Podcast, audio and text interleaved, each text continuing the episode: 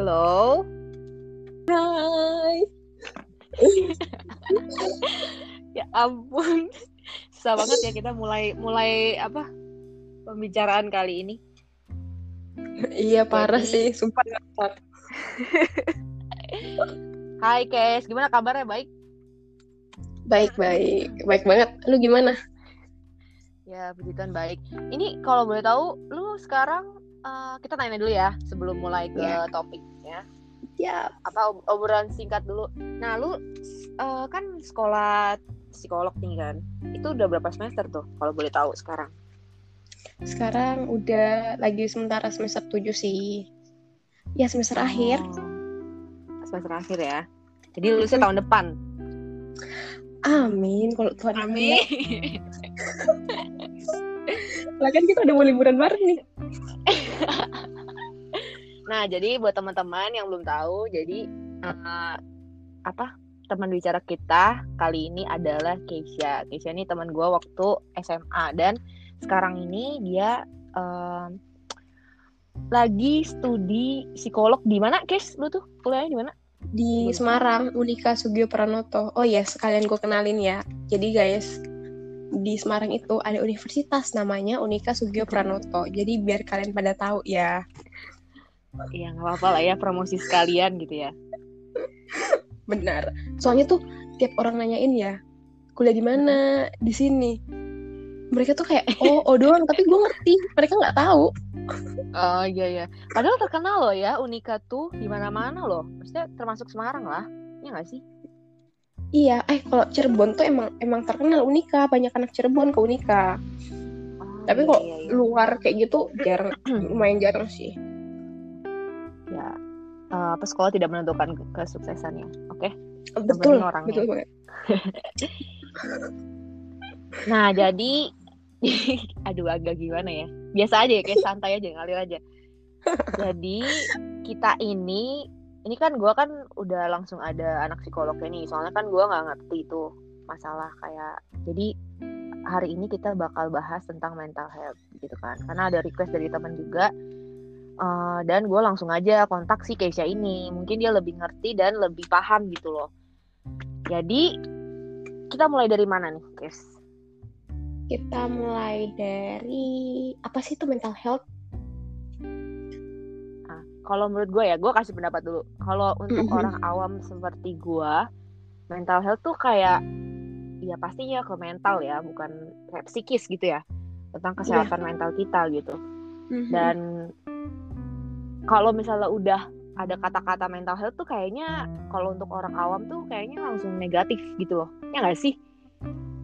Kayak iya, langsung kayak aduh mental health-nya terganggu nih atau gimana. Jadi kayak langsung orang menjudge tuh itu negatif. Nah, kalau menurut pandangan lu sendiri sebagai anak psikolog yang mungkin belajar ke situ, tahu mental health tuh kayak apa? Menurut lu? Yes. kalau eh, kita ngambil dari sumber dulu ya biar gue lebih terpercaya. Oke. Ntar kalau gue buat-buat sendiri kalian pada nggak percaya lagi. Kalau eh, menurut WHO sendiri, kesehatan mental atau mental health itu kondisi dari kesejahteraan yang disadari individu yang ada di dalamnya, termasuk kemampuan untuk mengelola stres, kehidupan yang wajar, untuk bekerja secara produktif, menghasilkan serta berperan di komunitasnya. Nah, kalau dari gue sendiri, kadang kita kalau kita ngomong mental health kan kata kata lu tadi kan negatif kan ininya. Mm-mm. apa sih?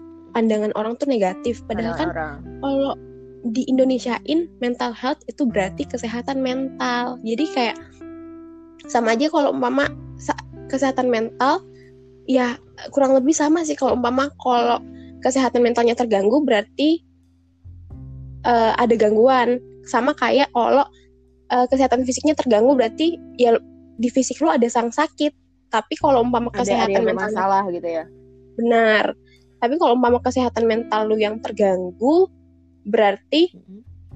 eh, mental lu bermasalah cuman kalau kesehatan mental itu sendiri berarti itu menandakan apakah itu menandakan berat, eh, mental lu tuh sehat kayak gitu kan kesehatan mental mental health cuman kadang orang-orang tuh tiap dengar mental health pasti mereka udah mikirnya oh kese- eh, mentalnya terganggu nih oh berarti mentalnya lagi nggak baik nih kayak gitu-gitu loh padahal sebenarnya menurut WHO kesehatan mental itu kondisi yang sejahtera dari individu itu sendiri kayak gitu Oh gitu. Agak rumit ya kalau dari teori ya. Mm-mm.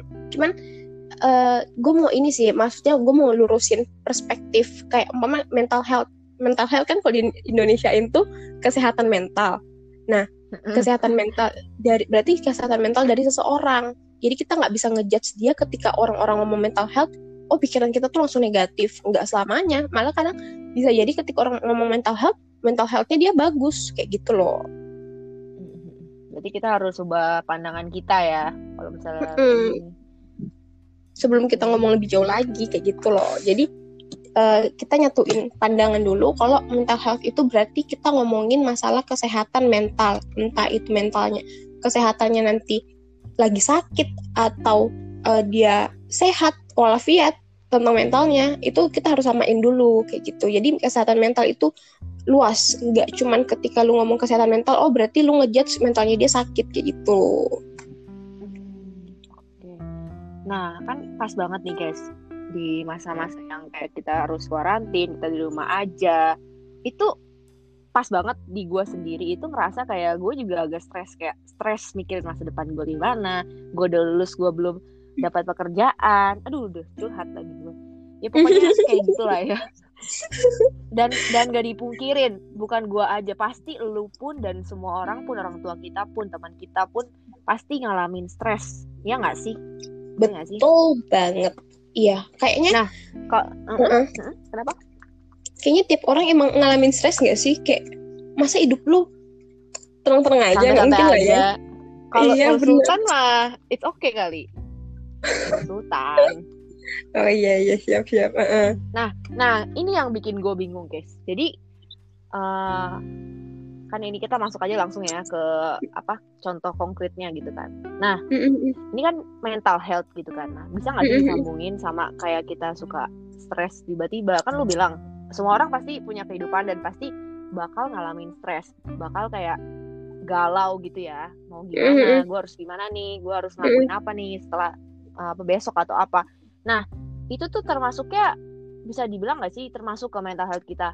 Even kita cuman kayak uh, khawatir akan hari esok misalnya gitu loh. Nah, kalau tuh? Eh, jadi kalau umpama nih kita ngomongin men- eh, mental health itu tuh kalau umpama kita masuk ke stres Heeh. itu tuh sebenarnya stres itu ada dua Apa Ya, tuh? stresnya stres yang pertama itu itu eustress eustress itu eh, kondisi ketika kita gini kita kita punya masalah nih. Tapi kita punya masalah tapi dari masalah itu tuh kita bisa ngelihat sesuatu yang positif. Kita punya masalah kita stres tapi kita bisa melihat sesuatu yang positif dari masalah itu. Dan kita bisa ibaratnya kita bisa melangkah ke arah positif itu. Oke. nah itu yang namanya eustress. Jadi lu stres tapi ya? lu yes. Jadi lu stres tapi lu bisa ngelihat oh eh dari masalah ini tuh gue bisa ngambil eh, peluang ini gue bisa ngambil kesempatan ini. Sedangkan kalau umpama yang kedua itu itu namanya distress. Jadi distress itu lu eh, ngalamin masalah lu stres dan lu nggak bisa ngelihat sesuatu yang baik dari masalah itu. Jadi itu bak eh, ibaratnya tuh kayak eh, misal ya gue ih gue banyak tugas banget nih tapi gue nggak bisa ngeliat peluang kayak gue cuman meratapi diri gue kayak Hmm. gue sedih banget kayak ih kayaknya gue deh yang paling menderita karena tugas-tugas gue ini yang banyak banget belum lagi tugas belum yang ini belum itu jadi kayak eh, masalah itu buat kita jadi eh, stres negatif jadi kayak perasaan kita jadi negatif nah itu yang dinamakan distress kayak gitu Oh, jadi stres juga ada dua macam ya? Gue baru tahu loh ini. Iya stres itu ada dua macam makanya kayak Jadi, Nah, mm, mm, mm, apa? Kenapa? gimana Kenapa?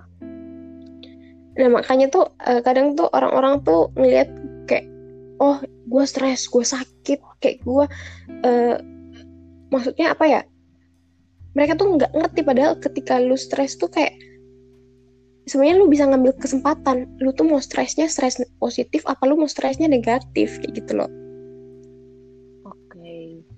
Oke gue paham. Gitu. Berarti selama stresnya masih ada sesuatu yang hal baik yang akan kita lakukan ke depan itu masih nggak apa-apa gitu ya. Tapi kalau udah stres yang di stres itu yang katanya nggak ada jalan keluar lah ngerasa kayak sebenarnya overthinking gak sih jadi bilangnya? Hmm, salah satu orang salah satu yang membuat orang stres itu maksudnya ya salah satu yang membuat orang stres itu overthinking. Hmm, okay. kayak gini lu pernah nggak sih kayak uh, lu overthinking pernah overthinking kan? Pernah lah kayak panik gitu lebih ke panik gak sih? Kayak aduh gimana nih gimana gitu gak sih? Mm -mm. jadi pikiran mana-mana gitu loh. Iya iya iya. Jadi kayak gini lu lu ada masalah maksudnya uh, anggapan aja lah. Lu sekarang udah lulus belum kerja. Hmm. Itu mungkin salah satu hal yang bisa uh, micu buat lu stres. Tapi eh bukan tapi sih. Dan ketika lu mikirin itu terus dan lu do nothing kayak lu cuma mikir mikir mikir mikir tanpa lu ngelakuin sesuatu itu yang bakal buat lu semakin stres. Lu uh, bakal buat lu semakin dari stres itu nanti bakal banyak hal yang muncul. Entah khawatir entah panik entah bakal bahkan bisa sampai depresi ketika lu stres lu punya masalah dan lu cuma mikirin tanpa lu ngelakuin sesuatu. Oke. Okay. jadi kayak overthinking tuh sebenarnya menambah tingkat stres lu. Jadi kayak lu udah stres terus lu overthinking lu makin stres lagi. Okay. yang tadinya lu nggak maksudnya yang tadinya lu nggak mikir apa-apa yang tadinya lu cuma merembet mikir, merembet ke mana-mana ya? Benar benar banget. Jadi yang tadinya lu cuma mikir ya gue lulus gue belum kerja. After itu bisa sampai yang lu minder lah lu inilah ya orang lain udah ini orang lain udah itu udah udah achieve ini udah achieve itu. Kok gue masih kayak gini gini ya? Ntar lu mikirin itu lagi itu bakal ngeluas lagi gitu loh. Oke okay. oke. Siap. Ngerti ngerti gue. Agak ini ya agak berat ya obrolan Sumpah gue kayak kuliah malam coy. Yang apa kan lu sebagai dosennya gitu kan. Kita nih belajar gitu loh dari dulu nah um, kita lanjut ke selanjutnya. Ini yang tadi lu bilang ada tingkatan stres dari mental health kayak gitu gitu kan. Kalau misalnya orang terganggu mental mental healthnya. Nah biasanya penyebab dari mental health itu apa sih kayak um, kok bisa ya? Maksudnya orang pasti ada masalah sih setiap orang di dunia ini. Cuman maksud gue kayak yang bisa bikin orang itu menjadi mental healthnya terganggu atau kayak misalnya lebay-lebay nggak sih kalau menurut gue kayak terlalu uh, mojokin diri sendiri terus kayak agak sakit lah jiwanya. Itu menurut lu gimana tuh? Apa sih bisa penyebabnya tuh? Dari apa aja? Oke okay. kalau umpama kita ngomong penyebab ya penyebab gangguan mental health penyebab gangguan uh, kesehatan mental. Kenapa sih so seseorang bisa bahkan sampai ada yang bunuh diri? Itu kenapa? Ya bisa jadi karena mental uh, mental healthnya terganggu. Ada orang yang bisa sampai masuk rumah sakit jiwa itu kenapa? Ya itu mungkin karena mental healthnya terganggu. Nah salah satu eh bukan salah satu sih cuman kenapa sih orang-orang itu bisa mengalami uh, apa ya mentalnya tuh terganggu itu tuh karena dia nggak bisa berada dalam suatu lingkungan. Jadi tekanan yang diberikan ling lingkungan itu dia nggak bisa menghadapi. Sama kayak gini gini. Gue kasih contoh aja kalau umpama kita kita lagi capek banget nih. Terus cuaca di luar tuh nggak mendukung. Ketika uh, ketika fisik kita nggak siap buat nerima cuaca, itu kita bakal sakit ya nggak lu pernah nggak sih kayak uh, lu lagi capek terus cuaca di luar tuh kayak pancaroba gitu terus akhirnya tiba-tiba lu jadi drop pernah lah pasti Nah, sama kayak mental kita. Kadang tuh uh, mungkin kita kita punya ya yang tadi kata uh, kita balik dari awal ya. Kita punya masalah nih. Tapi masalah kita itu uh, kita udah punya masalah. Terus orang-orang di sekitar kita itu mungkin nekan kita lagi. Nah, itu yang bisa jadi salah satu penyebab kenapa seseorang punya gangguan mental health kenapa mental health seseorang tuh terganggu karena kadang tuh kita tiap orang udah punya masalah tapi entah kitanya. Tambah lagi masalahnya uh, benar. Entah orang dari luarnya itu nekan kita atau kitanya yang tidak bisa survive. Kitanya nggak bisa punya apa ya uh, self apa ya namanya? Gue lupa kalau di psikologi itu namanya apa. Pokoknya kita nggak punya nggak kita nggak bisa punya uh, daya untuk bertahan berjuang. Jadi kayak lu dikalahin sama lingkungan padahal seharusnya kalau umpama seharusnya sih normalnya ya kita bisa lebih kuat daripada lingkungan kita. Tapi kadang ketika kita nggak kuat nah itu yang bisa buat kesehatan mental kita terganggu. Oke jadi ada ini ada faktornya dari diri sendiri bisa termasuk dari lingkungan juga bisa gitu ya. Benar benar gitu. Benar banget. Okay. nah gitu. berarti ini tuh kayak kalau menurut gue yang gue tangkap dari penjelasan lu kan dia kan uh, penyebabnya kan gara-gara gitu loh tekanan apa segala macam bisa nggak sih case kalau misalnya seorang yang terganggu mentalnya itu dari ini apa dari trauma akan satu hal kayak mak maksudnya mungkin ada suatu misalnya ini paling tinggi kali ya kekerasan hmm. dari keluarga ataupun teman yang ngebikin dia semakin psikisnya rusak gitu. Menurut kalau menurut lo gimana? Hmm, kalau menurut gue bisa, bisa banget itu jadi um, buat kesehatan mental seseorang terganggu ketika ada trauma. Tapi dengan catatan itu bisa jadi uh, gangguan, maksudnya itu bisa menyebabkan seseorang uh, jadi kesehatan mentalnya terganggu ketika trauma itu belum diselesaikan. Jadi maksudnya gimana tuh? Maksudnya gimana? Uh, belum diselesaikan itu dalam artian gue mama nih gue ya gue ngalamin kayak lu kayak ngomong kekerasan dalam uh, keluarga. Dan itu tuh gue ngalamin tiap hari dan gue nggak dapet support dari mana-mana. Kayak ya gue ngalamin itu sendiri gue gue ngalamin itu sendiri gue nggak bisa keluar dari si gue nggak bisa keluar dalam artian gue nggak bisa melihat pandangan lain dari situ gue nggak bisa melihat uh, no one help me kayak gitu loh. Kayak gue ngadepin ini sendiri. Dan gue ngerasa gue nggak ada teman gue nggak ngerasa gue nggak ada orang.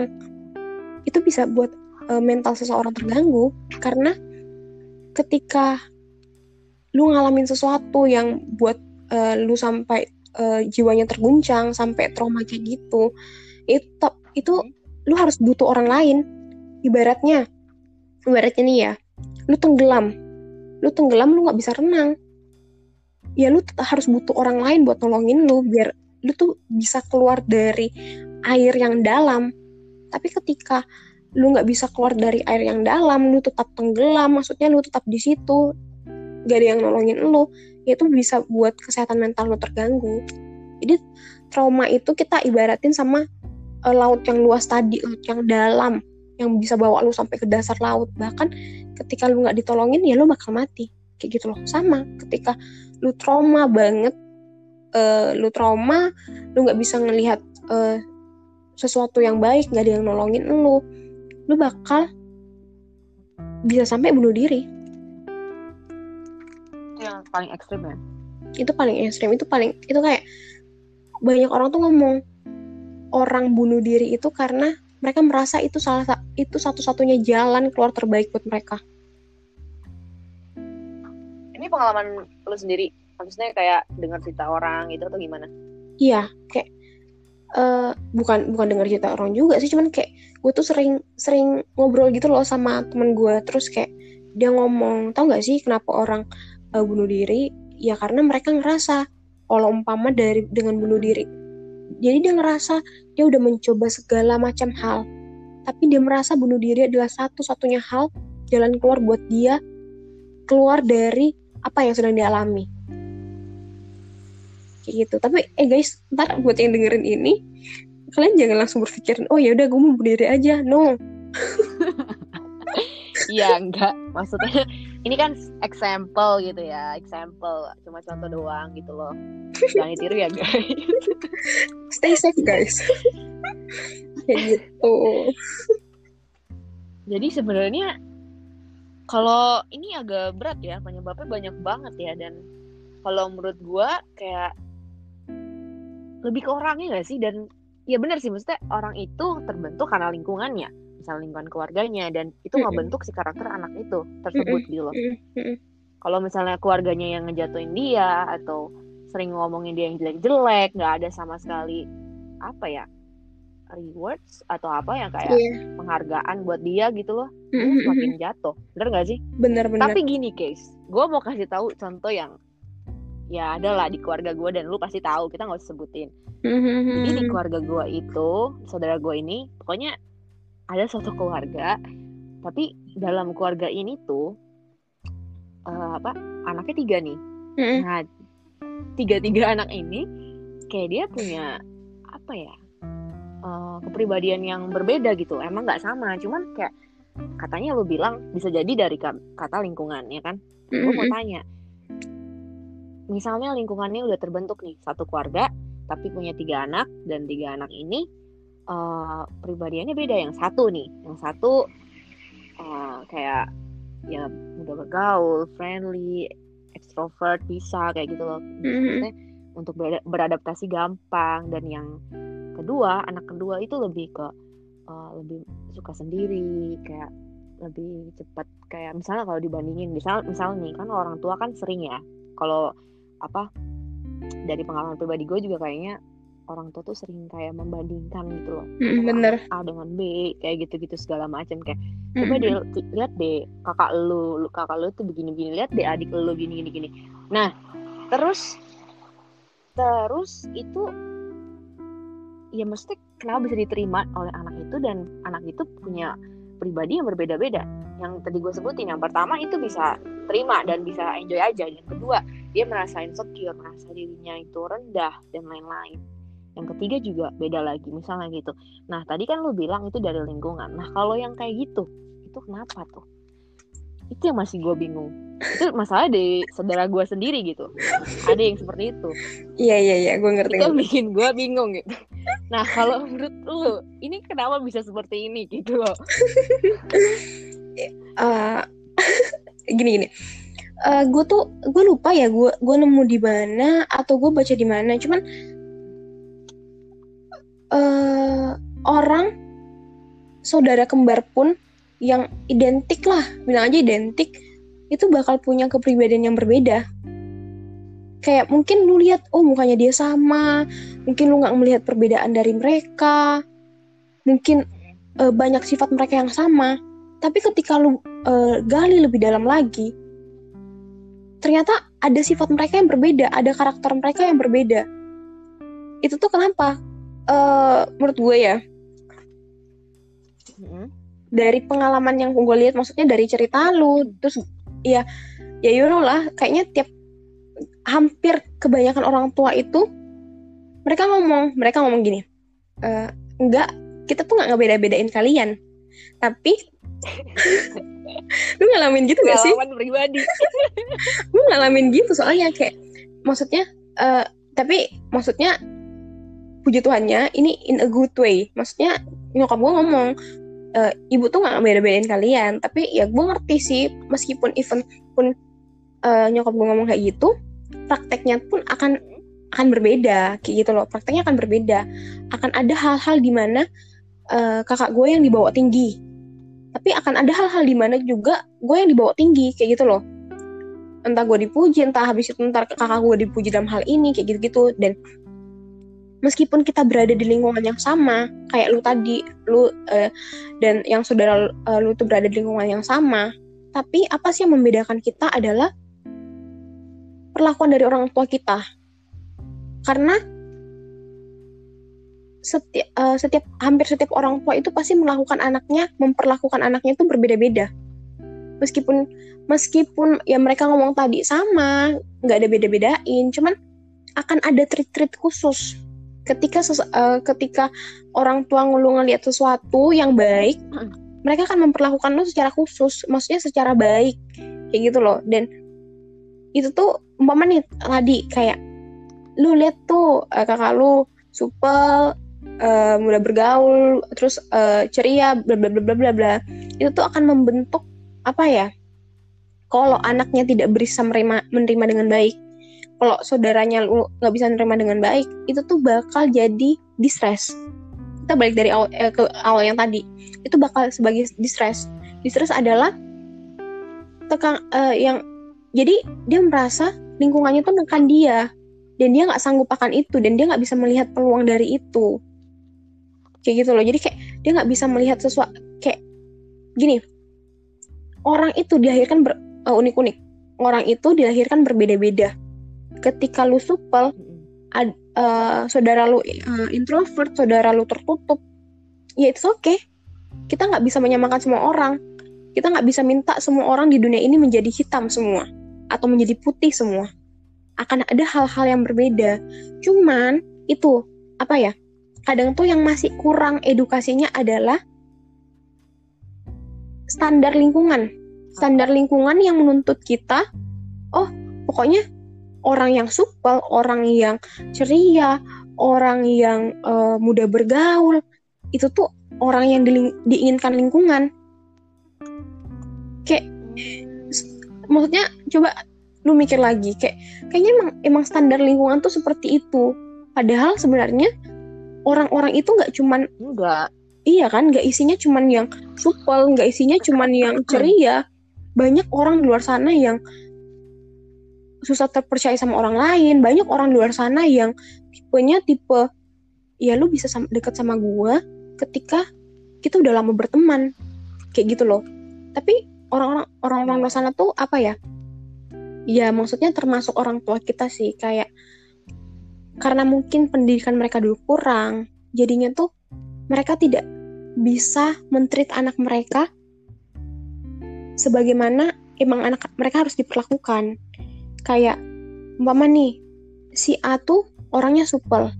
Oke, berarti emang anak ini tuh tipenya akan uh, ditreat seperti ini. Sedangkan si B itu orangnya tertutup. Ya, orang tua tuh nggak bisa mentreat si A sama kayak dia mentreat si B atau orang tua nggak bisa mentreat si A karena A supel terus dia samain dengan si B dan dia membandingkan nggak bisa karena emang kenapa emang mereka sudah berbeda kayak gitu loh dan kepribadian itu itu tuh selain terbentuk dari keluarga itu tuh uh, coba deh lu lihat lagi uh, lu lihat keluarga lu ya soalnya gue karena kebanyakan di rumah gue tuh bakal jadi kayak gue merhatiin keluarga gue terus gue lihat oh oke okay. terus kayak gue tahu oh ternyata sifat keras kepala gue tuh dari sini oh ternyata sifat ini gue tuh dari sini coba deh oke okay. berarti maksud lo genetik ya hmm. jadi turunan juga bisa uh, lebih ke gue nggak ngerti ya itu turunan maksudnya gue nggak ngerti itu genetik apa enggak tapi itu turunan. Itu ya kayak pepatah lip. Kayak buah jatuh tidak jauh dari pohonnya. Kayak gitu loh. Iya sih bener sih bener sih bener sih. Cuman yang gue sayangin itu maksudnya si orang tua yang saudara itu selalu membandingkan gitu loh.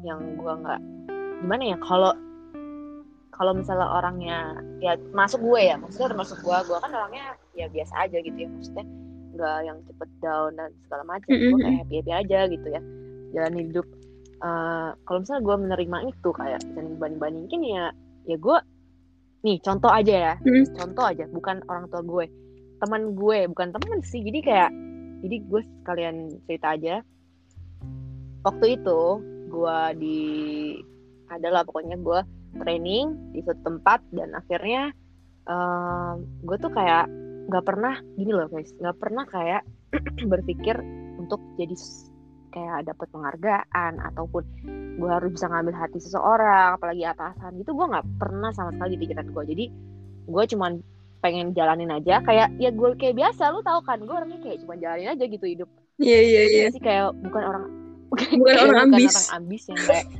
iya kayak gue bukan orang ambis yang kayak pokoknya gue harus di sini gue harus bisa mencapai sesuatu gitu. Enggak gue tuh kayak let it flow aja jalanin yang ada. Iya iya iya. bahkan gue bahkan gue sampai sakit-sakitan kayak gitu kan. Karena gue nggak gimana ya nggak jalanin tapi ya biasa-biasa aja gitu. Tapi di suatu ketika ada seorang yang ngebikin gue eh, bisa berubah gitu ya pada saat itu. Dengan apa guys dengan dia ngejat ngejatuhin gue di Hmm. depan orang banyak. Mm-mm. dia bilang gue katanya negatifnya lah itulah Livia tuh begini begini begini begini nggak bisa apa-apa dia. Dan, akhirnya di satu titik itu tek oke. Saat ini juga gue akan nunjukin ke orang yang ngomongin gue seperti itu kalau gue bisa juga Hmm, gitu. hmm, selevel sama dia istilahnya gitu. Nah itu kan suatu contoh maksudnya dan akhirnya puji Tuhannya gue bisa gitu loh mendapatkan suatu ya itulah sesuatu gitu istilahnya Yeay. tapi emang begitu loh gue tuh orangnya gitu maksudnya gue harus dijat-jatuhin dulu dijek-jek dulu gue baru bisa kayak gitu makanya gue. Iya. nah yang yang maksud gue ambil dari situ adalah ya kalau orang yang kayak gue dibanding-bandingin lah diomong jelek-jelek nah di situ gue bisa naik gitu bisa nunjukin sesuatu nah tapi kan ya masalah orang yang tidak bisa menerima itu diomong seperti itu malah semakin jatuh gitu loh semakin kayak ah gue nggak bisa apa-apa gue nggak gue bukan siapa-siapa kayak gitu Benar, benar banget. nah itu sih yang gue mau sharing gitu Benar banget. jadi ya lebih ke ini ya maksudnya lebih ke diri dia sendiri gitu ya Mm-mm. maksudnya kayak pola pikir dia nanggepin sesuatu responsifnya dia gitu loh kepada suatu masalah pada suatu tekanan. Bener sih. Iya. Dan benar-benar dan kayak nah itu kayak apa ya? Ya karena orang maksudnya orang nggak bisa diperlakuin sama dan orang tuh ketika menerima satu hal yang mungkin sama. Kayak kayak lu tadi dibanding bandingin kan. Ya mungkin dari sisi lu lu bisa bangkit tapi di sisi orang lain itu bakal meli dia bakal melihat sebagai oh diri gue useless ya. Oh diri gue nggak berguna. Oh ya emang gue seperti ini gue nggak ada bagus-bagusnya. Banyak orang maksudnya nggak sedikit orang yang berpikiran kayak gitu dan akhirnya nyebabin apa? Nyebabin mereka yang awalnya cuman yang awalnya karena ibaratnya gini eh lu ditekan oke maksudnya lu mungkin masih ditekannya masih 25% sebenarnya lu bisa bangkit lagi. Tapi karena eh, orang itu nerimanya dengan melihatnya sebagai distress, melihatnya sebagai sesuatu yang ya udah gue gini. Dan gue nggak eh, gue nggak nggak ngelakuin apa-apa. Yes gue nggak ngelakuin apa-apa buat keluar. Ya jadinya lu bakal merasa tertekan tertekan tertekan. Kayak gitu loh. Yang jadi darinya cuman stres biasa jadinya nanti cemas. Habis dari cemas nanti jadinya depresi. Depresi ya akhirnya ya lu pilih aja. Lu mau berakhir di rumah sakit atau lu mau berakhir di kuburan? Pilihannya nggak ada yang bener ya tapi maksudnya ketika maksud ketika kita nggak bisa mengolah emosi kita dengan baik ketika kita nggak bisa mengolah di apa ya diri kita dengan baik ya akan berakhir seperti itu lip. Jadi tapi nggak boleh contoh ya guys. Iya, itu- contoh. itu itu maksudnya itu itu sarkasnya guys. Itu sarkas banget sih. Jadi ya biar kalian nggak berakhir di dua tempat itu ya what should you do? Ya mungkin kalian harus kenali diri kalian. Ya aku percaya banget sih kayak ya kalau gue mau gue mau cerita dikit ya gue tuh sampai sekarang kayak nggak tahu gitu loh potensi gue apa. Kayak gue kadang gue kadang ngeliat orang kan kayak gue ngeliat lu ya ih parah keren banget nih temen gue udah udah make up udah nge-influencer orang orangnya kayak gini gini gini. Terus gue eh, lihat yang lain kok mereka kayak gini ya gini gini gini.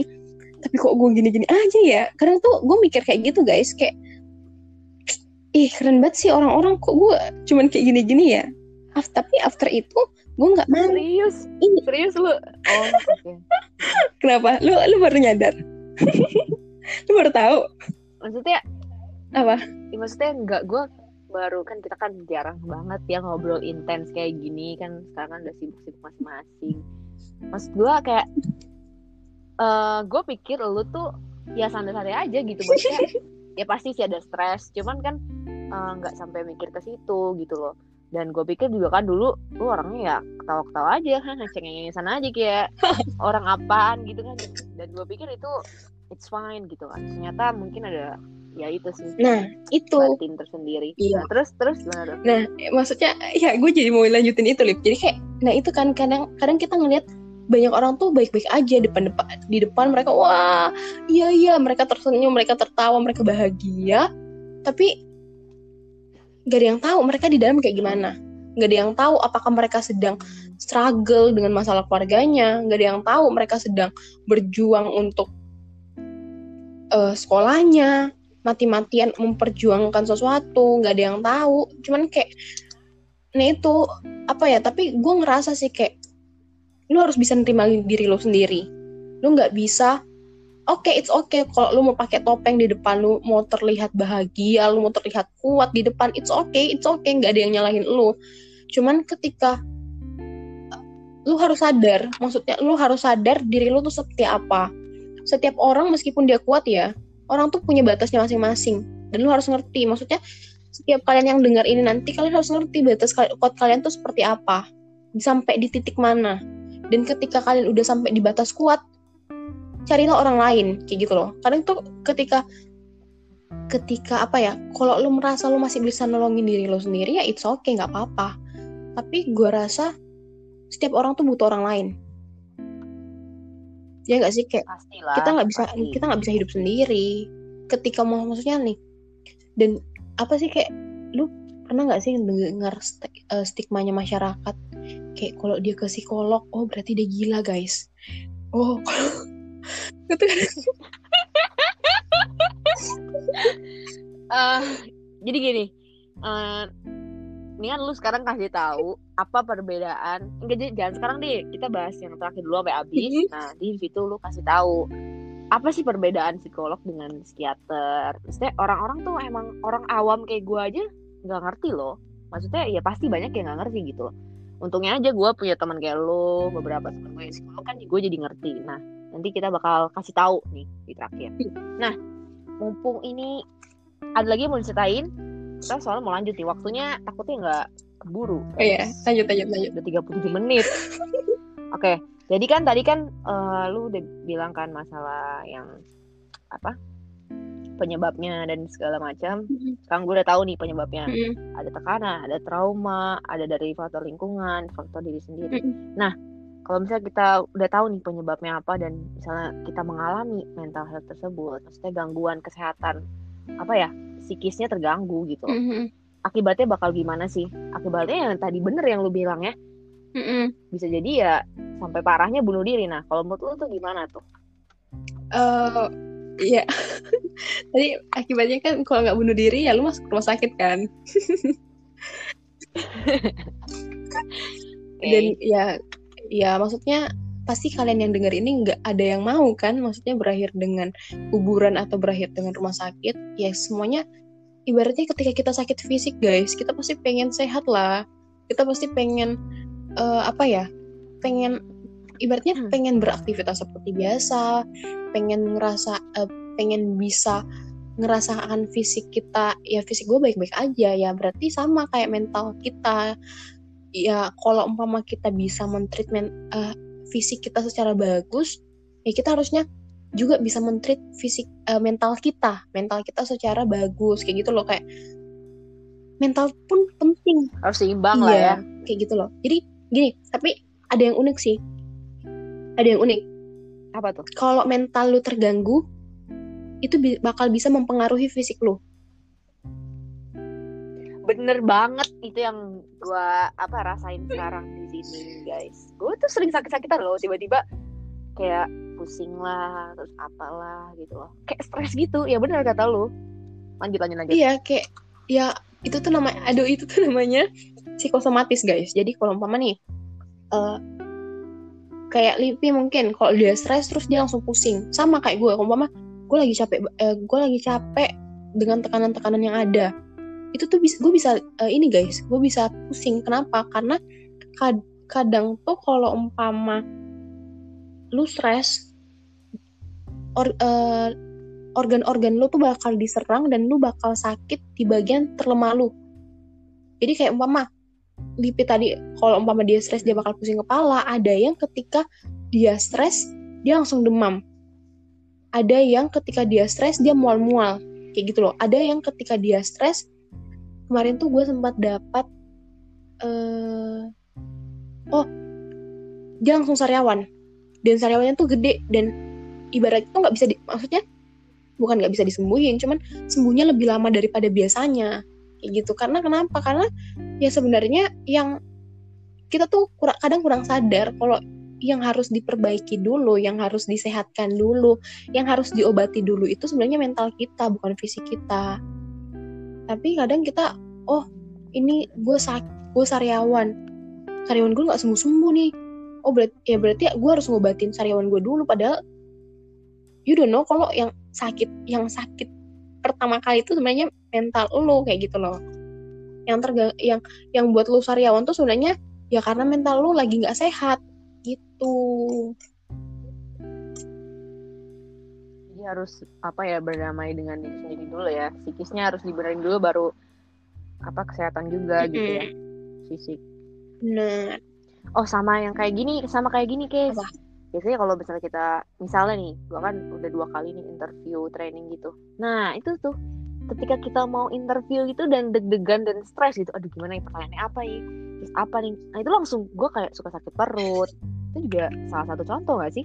Bener iya, loh. iya iya tapi itu lebih ini sih itu reaksi. Oh iya itu reaksi kayak tapi reaksi yang timbul kan cuma reaksi sementara kan kalau itu after lu interview kan pasti ya udah gue biasa aja.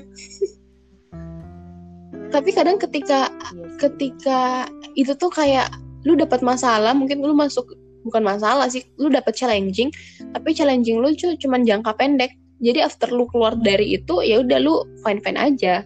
Tapi kadang ada challenging yang jangka panjang ya kayak umpama entah lu struggle dalam keluarga kayak gitu. Nah itu tuh kadang ketika lu nggak bisa uh, mengolah emosi lu dengan baik lu nggak bisa mengolah diri lu dengan baik ya itu bakal muncul namanya psikosomatis. Jadi bakal muncul penyakit fisik akibat dari mental lu terganggu. Bukan mental lu terganggu mental lu nggak sehat gitu loh.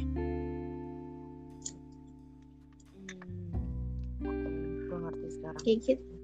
Terus selain itu apa lagi tuh? Yes, apa cuma itu doang yang bisa lu bagiin? Um, apa oh gini ini sih guys kayak kan tadi kita udah bahas nih dari awal apa tuh mental health penyebab akibat dan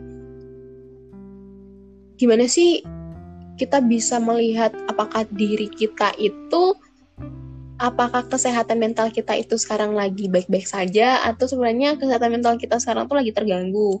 Nah, coba maksudnya yang tahu tuh cuma diri kita sih kayak lu tahu diri lu sendiri nggak nggak ada orang lain bahkan psikolog pun menurut gue nggak bakal tahu diri maksudnya apa yang lu rasain selain diri lu sendiri kayak gitu loh. Dan ketika kalian ngerasa kayak yang tadi di awal kalau lu melihat suatu masalah dan lu menjadikan itu sesuatu yang positif ya it's okay lanjutkan itu. Tapi ketika kalian udah ngelihat suatu masalah itu jadi sesuatu yang negatif dan ibaratnya tuh depan tuh udah jalan buntu gue mau ke mana? Masa gue mau balik? Nggak mungkin lah waktu terus berjalan tapi depan gue tuh cuma jalan buntu gue kelihatnya udah buntu gelap lagi. Nah kalian butuh seseorang buat menerangi kalian. Kalian butuh seseorang untuk meminta tolong dong nyalain lampu buat gue. Tolong dong uh, lilin gue mati nih. Tolong lu nggak nyalain nggak? Biar gue bisa lihat jalan kayak gitu loh. Jadi kayak lu harus lihat lagi guys. Kayak kita harus lihat lagi apakah diri kita sebenarnya ini baik-baik saja selama karantina di rumah atau mungkin kalian udah pergi-pergi tapi kalian tetap merasakan rasanya apa ya ibaratnya kayaknya ada yang salah deh dari gue dari gue kayaknya ada yang nggak beres dari diri gue ya kalian harus sadari itu kayak dan ketika kalian udah menyadari itu segeralah cari bantuan. Gue nggak nyarak maksudnya gue nggak suruh kalian harus ke psikolog sih no. Bantuan yang gue maksud di sini adalah ketika kalian cukup maksudnya kalian ketika misal nih kalau gue nggak ngerti ya cuman tiap orang kan masih beda-beda. Ada yang dia tuh mau percaya cuman kepada pakarnya cuman kepada ahlinya. Tapi ada juga orang-orang yang ya gue nggak perlu pakar gue nggak perlu ahli gue cuman butuh orang yang dengerin gue kadang lu ngerasa kayak gitu nggak sih? Kayak gue nggak butuh saran nih gue nggak butuh nasehat gue cuman pengen didengerin uh, imbasnya ke cowok gue sih kalau kayak gitu. Iya tolong bok bok.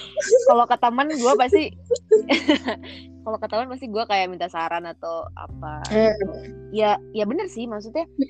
Dan kadang juga ada teman kita yang nggak bisa ngasih saran bener Iya. nggak? jadi ya ya bener Hmm. perlu didengerin doang. Iya kayak gitu. Terus terus? Dan nah jadi kayak ya after lu maksudnya tadi kan kita udah ngeliat nih after kita ngerti diri kita seperti apa apakah mental kita sekarang sehat atau enggak nah yang kedua adalah kalian kita harus melangkah guys. Kayak kita harus mencari pertolongan. Entah kalian pertolongannya cuman buat maksudnya ketika kalian emang cuman butuh cerita butuh ngeluarin unek-unek carilah orang yang kalian percaya. Cari orang yang bener-bener ibaratnya kalian udah tahu dia dia nggak bakal ngebocorin apa yang kalian ceritain. Kalau ta- tapi kalau umpama kalian emang butuh sesuatu saran kalian butuh eh ibaratnya apa ya? Kalian butuh mendiagnosa. Ternyata tuh kalian tuh kayak mendiagnosa Indonesia-nya apa ya Lip? maksudnya bahasa awamnya apa ya? Mendiagnosa tuh kayak eh, ya menganalisis sesuatu Iya, gak kayak- sih? Kayak diri gue tuh ada apa iya sih iya kayak gitu. pokoknya kayak gitu guys. Kayak kalian mau gitulah kayak gitulah. Kalau kalian mau tahu kalian kenapa nah itu mungkin kalian bisa ke pakarnya kalian bisa ke psikolog. Tapi kalau mama kalian ngomong nggak apa-apa maksudnya ya aku cuma butuh teman cerita aku cuma butuh teman didengerin aku eh, aku cuma butuh ngeluarin apa yang aku ngerasain ya carilah o- teman-teman sahabat kalian yang kan per- percaya. Kalau emang keluarga kalian bisa ya itu oke ceritalah ke keluarga kalian kayak gitu loh. Nggak apa-apa berbagi berbagi itu indah guys. Kalau keluarga Kenapa kalau keluarga? kalau keluarganya nggak bisa bisa kan Betul. teman gitu kan ya sahabat sih Iya. lebih ke sahabat sih Sahabat, benar-benar benar. Kayak ketika kalian, oh ternyata Hmm, jadi kalau umpama sahabat kalian nggak dukung kalian, sahabat kalian malah ngejatuhin kalian, ya berarti kalian berada di pertemanan yang bukan sahabat Anda berada di pertemanan yang salah. jadi dia bukan Benar. sahabat guys Kalian berada di hubungan yang toksik. aduh udah masuk ke topik Iya, dah jangan, Lagi jangan. ya itu gitu. boleh boleh next Boleh. Oke, jadi jadi ini udah masuk ke cara menanggapinya. Berarti ada ada dua ya lo kasih Mm. tahu. Kalau misalnya orang itu maunya cerita, dia harus cerita ke orang yang emang dia benar-benar percaya gitu ya, dan gak akan malah mojokin dia dan lain-lain. Dan yang kedua, kalau misalnya kalian emang benar-benar udah nggak bisa nih cerita ke orang pun nggak bisa gitu, berarti dia harus datang ke pakarnya. Nah, masuk ke yang tadi tuh yang tadi orang-orang bilang lu lu gimana ya? Terus lu harus masuk ke psikolog nih atau psikiater. Misalnya gue stres doang lu gue lu mendingan masuk ke psikiater aja. Nah orang nggak bisa bedain nih antara dua itu. Nah bisa jelaskan dari case ya Iya iya. Jadi waktu itu gue pernah kan ke rumah sakit jiwa. Ya gue nggak bukan gue Morianiwan guys. Iya gue pernah ke rumah sakit jiwa. pastilah kalau psikolog pasti iya gitu kayak sih lu apa sih dari mata kuliah apa gitu. Terus gue ke rumah sakit jiwa kan. Terus di situ tuh jelasin ini apa sih perbedaan psikolog sama psikiater kalau di rumah sakit jiwa ya? Itu tuh kalau umpama lu pernah nggak sih ngeliat orang sakit jiwa terus dia histeris teriak-teriak meronta-ronta kayak gitu. Kayak pernah nggak sih lu lihat kayak gitu? Serem banget anjir. Kalau lihat mungkin nggak pernah ke sana ya ke rumah sakit dia. Cuma mungkin orang gila kali pernah. Kalau orang gila beda lagi ya guys beda lagi nggak sih itu sama aja Lipi. Eh, gitu tuh gini loh. Oh itu sama eh, aja? kalau di psikolog kalau di psikologi tuh kita nggak boleh ngomongin orang gila. Jadi oke. Jadi bilangnya apa tuh? Kita tuh ngomongnya orang dengan gangguan jiwa. ODGJ Oke, masih Iya, dihormatin, masih gitu ya. Bentar-bentar sebelum gue dijelasin yang orang gila itu. Kasihan. Menurut lu kenapa lu ngebedain antara orang yang gila sama orang yang di rumah sakit jiwa? Kalau menurut gua orang Mm-mm. awam ya ya kan lu tadi tanya gua nggak pernah li lu pernah lihat nggak orang kayak gitu ya? Gua nggak pernah lihat kan? Gua nggak pernah ke sana Mm-mm. gitu loh. Yang gua sering lihat karena gua di sini ada toko gitu kan? Jadi ya paling ada orang gila tiba-tiba dia teriak sendiri apa segala macam. Dan Mm-mm. pikir kalau orang gila itu ya berbeda dengan orang yang itu. Maksudnya kalau orang gila tuh kayak udah udahlah lu orang gila gitu. Kalau misalnya orang yang dengan gangguan Mm-mm. jiwa tadi itu mungkin lebih lebih uh, diobatin. Kayak istilahnya dan gue gue pikir itu berbeda. Lebih gitu. lebih Gua ini ya tahu. menurut lo lebih elegan elegan lebih elegan daripada elegan iya lebih elegan. Padahal Sama, sama ya. kayak- ada gangguan juga. Kayak Oke. kayak yang kayak gue ngomong kan Lip kayak kalau umpama kalian kayak gitu ya kalian cuma berakhir di tempat dua tempat. Rumah sakit rumah sakit jiwa atau eh, kuburan. Karena kenapa? Karena ya ya itu orang-orang orang yang lu lihat depan toko lu itu ya mungkin ya maksudnya apa ya? Itu karena eh, mungkin mereka tidak dibawa ke rumah sakit. Kayak sebenarnya lu bisa diobatin tapi entah lu eh, nggak mau dibawa ke rumah sakit dan akhirnya jadinya kayak gitu. Jadi kayak mereka luntang-luntung di jalanan kayak gitu. Padahal mereka tuh sebenarnya sama. Kayak orang kapan-kapan lah lu ke rumah sakit jiwa terus lu ngelihat sebenarnya itu mereka sama. Cuman kalau serem banget. I- iya.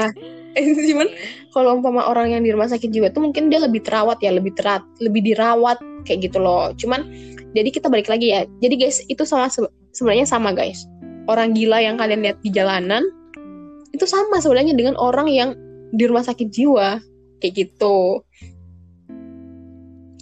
eh kalau kita tadi kan oh terus tadi tuh gue udah gue lagi di ini nih di rumah sakit jiwa. Terus perawat itu ngomong kalian tahu nggak sih bedanya psikiater sama eh, psikolog kalau di tempat ini? Nah kalau di tempat ini kalau umpama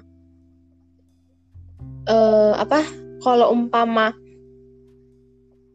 dia histeris jadi umpama nih dia dibawa dari rumahnya tapi dia histeris dia meronta-ronta pokoknya dia ya dia nggak bisa dikendaliin nah itu tugasnya psikiater karena gimana kalau umpama psikolog kan tugasnya untuk ibaratnya kayak konseling gitu kan kayak cerita kamu kenapa? Kamu bla bla bla. Sebenarnya psikolog itu kayak teman cerita gitu loh.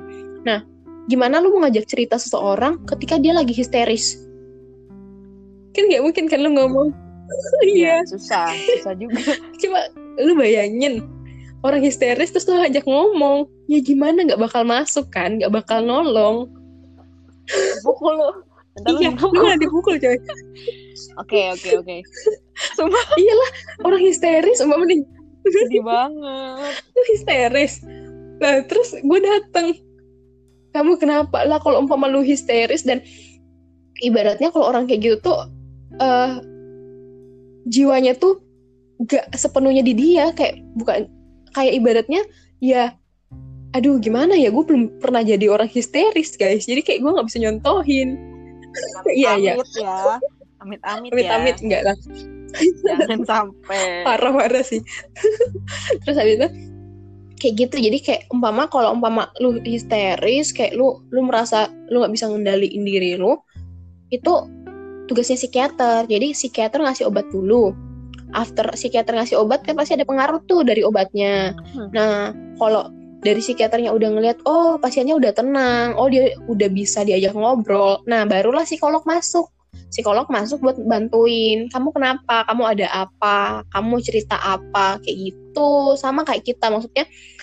Jadi kalau umpama ka- eh eh umpama nih ada kasus umpama nih ada orang yang ngomong ih gue nih eh, ngerasa gue depresi gue ngerasa apa gue ngerasa gue ini ini. Mending lu jangan ngejudge diri lu dulu deh. Selama selama lu masih sehat-sehat aja lu nggak histeris lu nggak berontak-berontak ya gue saranin lu gue suges ke ini sih. Lebih ke psikolog dulu. Soalnya takutnya ketika lu ke psikiater itu bakal buat lu kecanduan. Soalnya psikiater itu cuma berhubungan dengan obat. Kalau konseling cerita itu lebih ke psikolog. Kayak gitu loh. Jadi kayak gini mungkin tapi kalau mama lu ngomong tapi gue butuh cepet nih gue nggak bisa kayak gini terus. Karena karena uh, masalah ini gue jadi nggak bisa tidur tiap malam gue jadi kepikiran ini ini ini ini. Nah kayak gitu loh. Jadi kayak oh kalau kayak gitu ya it's okay nggak apa-apa. Lu mau ke psikiater ke psikiater dulu lu dikasih obat tapi sambil lu dikasih obat lu tetap harus ke psikolog. Kenapa?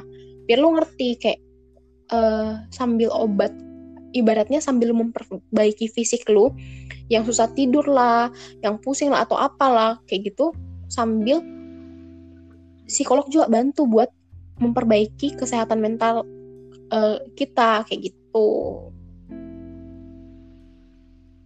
Oh, gue pikir psikiater itu uh, emang yang khusus orang yang apa dengan gangguan hmm? jiwa itu dan ngurusinnya sampai akhir gitu loh. Ternyata ada suatu apa ya campur tangan psikolog juga berarti bener, di situ ya. Bener.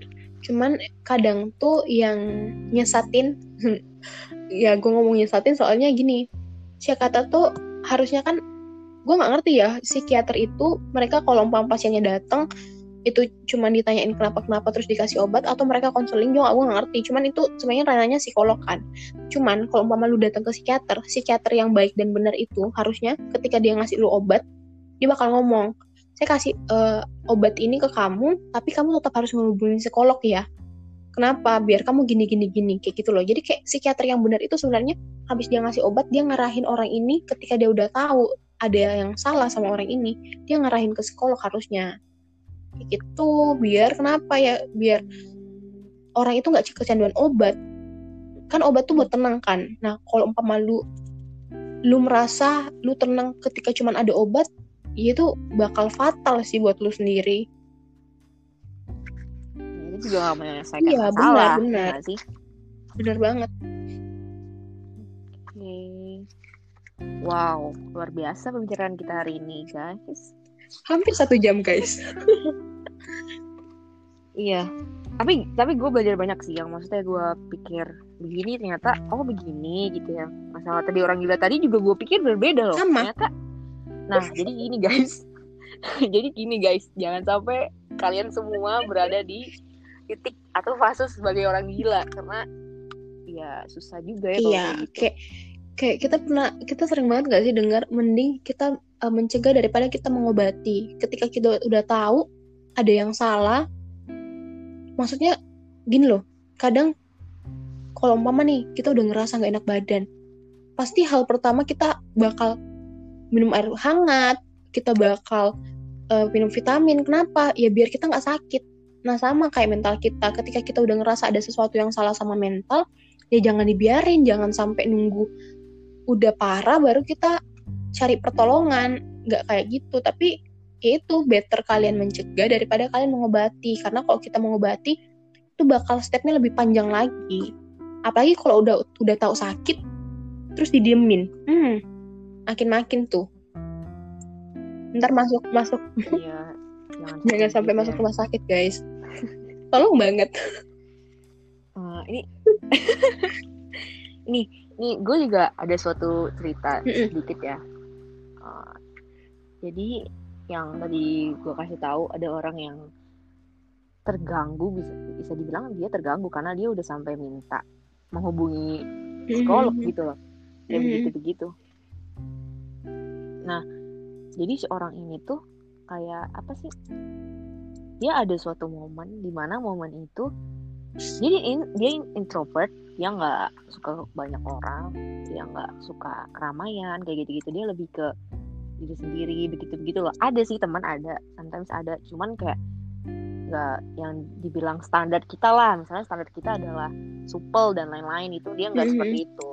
Nah di satu titik dia itu bisa cerita hari ini misalnya dia bisa cerita panjang mm -hmm. banget guys panjang banget hmm. gitu loh dan suatu ketika ya dia itu lost kontak nggak ada ngomong apa-apa tapi di suatu ketika dia tuh mungkin ya yang kata lu bilang tadi dia pengen didengerin orang gitu loh jadi pas jadi karena kita udah tahu dia orang yang seperti itu ya it's okay ada kita luangin waktu buat dia untuk dengerin dia cerita gitu. Hmm. jadi benar-benar kayak kita harus dengerin dia cerita gitu. Karena ini momen-momen tertentu gitu. Nggak sering. Kalau gue mungkin bisa hari ini cerita ke lu besok cerita ke orang lain mm-hmm. gitu loh. Mm. mau curhat gitu loh. Bisa kayak gitu. Tapi si orang ini tuh ada suatu momen di mana dia bakal bisa cerita banyak banget gitu loh.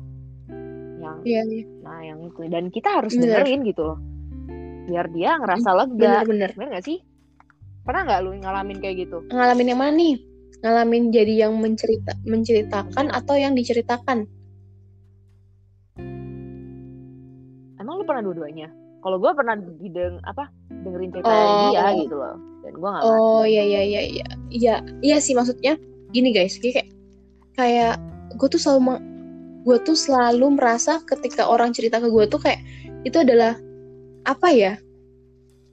Sesuatu yang berharga. Kenapa? Karena ketika dia bisa cerita ke lu berarti lu salah satu orang yang dia percaya. Apalagi ketika kasusnya dia intro ya ketika kasusnya dia nggak terbuka sama orang lain dan tiba-tiba dia maksudnya tapi dia mau cerita sama kita sama lu sama gue kayak itu jangan melewatkan momen itu karena kita nggak pernah tahu orang yang datang ke cerita ke kita itu dan dia mendengar tanggapan kita itu apa yang akan dilakukan setelahnya. Jangan sampai ketika orang yang after cerita ke kita terus af- eh, setelah dia cerita ke kita dia malah semakin down atau dia malah berpikiran yang aneh-aneh. Jangan sampai karena ya kita nggak pernah tahu guys. Kayak eh, respon kita pendapat kita omongan kita itu akan berdampak apa sama orang lain. Kayak gitu. Jadi kayak kalau umpama umpama kayak gitu ya ya emang emang hal terbaik adalah lu luangin waktu yang untuk mendengarkan dia kayak mendengarkan dengan baik lah bukan cuma mendengar. Kalau mendengarkan kadang orang oh ya udah gue dengerin lu tapi gue sambil main HP ya gue sambil ngerjain pekerjaan gue ya. Tapi tuh kadang ada orang yang ya gue cerita sama lu gue mau perhatian lu penuh ke gue kayak gitu loh. Dan emang harusnya seperti itu. Yang baiknya seperti itu. Respect ya respect. Betul. Nah, hari ini kita belajar banyak nih dari Keisha ya, guys. Dari mental health tuh apa, dari penyebabnya tuh apa aja, akibatnya gimana. Dan tadi Keisha juga udah ngasih tahu nih cara ngadepinnya. Dia udah kasih pilihan tadi dua ya, guys. Nah, karena kita juga waktunya terbatas nih, udah Udah sejam lebih kaget nanti mungkin kita bakal iya kita bakal bikin episode selanjutnya kalau misalnya ada waktu lagi karena emang seru sih apalagi sama pakarnya. Nah untuk Keisha nih ada nggak sih yang mau apa yang Keisha mau kasih tahu untuk orang-orang di luar sana khususnya yang orang lagi ngan- ngalamin apa gangguan psikisnya mereka kesehatan mentalnya mereka?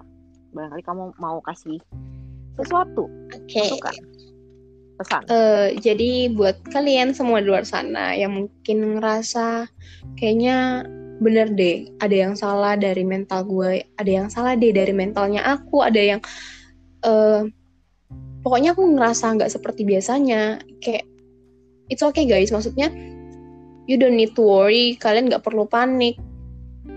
Yang kalian butuhkan adalah kalian pahamin diri kalian dulu.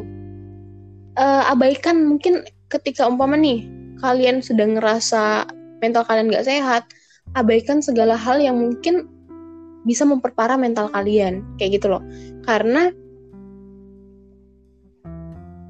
kalian harus melihat potensi diri kalian, maksudnya kalian harus melihat diri kalian itu seperti apa. Dan yang bisa bantu kalian tuh cuman kalian sendiri. First step, maksudnya first step yang bisa bantuin kalian itu ya diri kalian sendiri. After itu orang lain dan it's okay ketika kalian ngerasa mental kalian gak sehat aku pun pernah ngerasain itu Lipi pun pasti pernah ngerasain itu setiap orang pernah ngerasain itu. Cuman setiap orang punya cara yang beda-beda untuk keluar dari situ. Dan ketika aku Lipi dan yang lain bisa keluar dari situ bisa menyehatkan mental kita mental kami ya aku percaya buat kalian yang dengerin ini dan kalian sedang merasa mental kalian nggak sehat kalian pun bisa keluar dari situ. Kalian bisa. Aku yakin kalian pasti bisa untuk menjadikan mental kalian lebih sehat. Kayak gitu. Jadi jangan pernah berjuang sendiri karena kamu tidak sendiri. Mantap sekali pesannya penuh makna ya guys. Aduh ya Allah gue kayak ngerasa.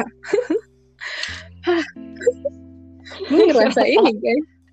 Pertama kali memang kayak gitu guys. Sumpah guys, kayak kalau kalian mau tahu ya kan sedikit bocoran, ini gue nggak pernah ngomongin serius kayak gini sama Livia. Kayak ya maksudnya kita ngomong serius sih, cuman kayak lebih personal gitu guys. Kalau ngobrol kayak gini kayaknya wow, something new for me.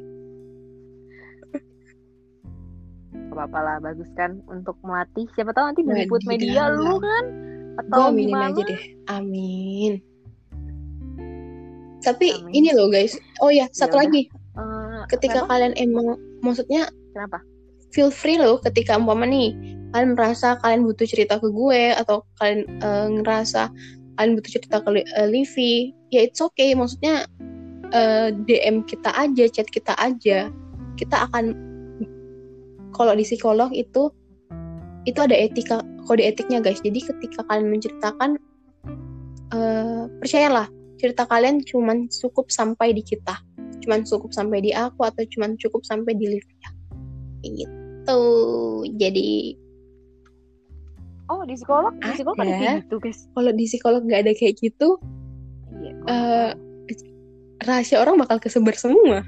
Itu ada kode etiknya gitu loh. Jadi kalau di psikolog tuh kita bakal banyak belajar kode etik. Jadi kayak eh wah banyak banget lip. Ntar panjang banget. Jadi kayak umpama nih contohnya aja ya. Kalau umpam lu punya klien nih. Nah kalau lu suka sama lu eh, klien lu lu nggak bisa nanganin dia. Kayak lu harus ngarahin dia ke psikolog lain atau lu harus ngarahin dia ke orang lain buat ditangani. Karena kalau umpama kayak gini loh pacar gue nih gue punya pacar terus pacar gue lagi terganggu terus dia cerita gue gue bakal melihat itu sebagai hal yang sub- subjektif nggak objektif dan itu salah. Makanya ketika umpam nih pacar gue lagi eh, mau cerita dan dia butuh psikolog ya gue bakal ngarahin dia ke psikolog lain. Kayak gitu-gitu jadi beda gitu ya responnya kalau misalnya ada orang yang kita apa ya kita benar suka benar gitu ya. benar. Itu bakal kita melihatnya subjektif. Padahal kan kalau umpama kayak gitu kan kita harus melihat secara objektif. Oke gila. Kita tuh kan berarti kan kata gue nggak akan nggak akan cukup 30 menit kalau ngobrol kayak gini. Karena udah lama juga kita Iya, lama banget coy. Oh ya guys, doa- doain kami ya biar tahun depan Korenci selesai dan gue sama gue Lipi sama teman gue yang lain tuh bisa jalan bareng. Aduh, amin amin Iya. aminin aja dulu ya guys makanya guys didoain. Thank you kayak gitu guys. ya udah nanti eh, kalau misalnya ada teman-teman yang mau cerita emang feel free Mm-mm. banget sih dan lu harus tahu kayak beberapa tuh ada yang udah mau cerita ke gue tapi mungkin timingnya nggak tepat gitu ya. Kayak dia mau cerita masalahnya dia eh, apa cara dia bisa ngelepas dari itu. Baik banget guys. Dan ya kayak ya gitulah. Dan gue kan juga nggak bisa ya untuk maksa-maksa Mm-mm. orang untuk cerita karena itu harus dari diri dia Iya. sendiri gitu loh. Jadi ya kita menunggu teman-teman yang mau cerita Mm-mm. boleh. Siapa tahu ceritanya bisa bermanfaat buat orang lain. Nanti gue bakal kasih tahu Instagramnya Keisha dan Instagramnya aja kali ya Iya, nanti. ya. Iya aja. nanti aja. nanti ada ada sesuatu yang itu lagi modus kan nggak tahu Bener-bener. Maksudnya ya kalau emang kalau emang butuh lewat WA ya nggak apa-apa ntar chat DM nanti dari DM ke WA. Oke. Ya udah nanti kita lanjut lagi kalau emang Keisha mau bikin selanjutnya part yang kedua nanti boleh. Iya, boleh dengan bahasan yang lain. Thank Oke. you semua. Thank you Keisha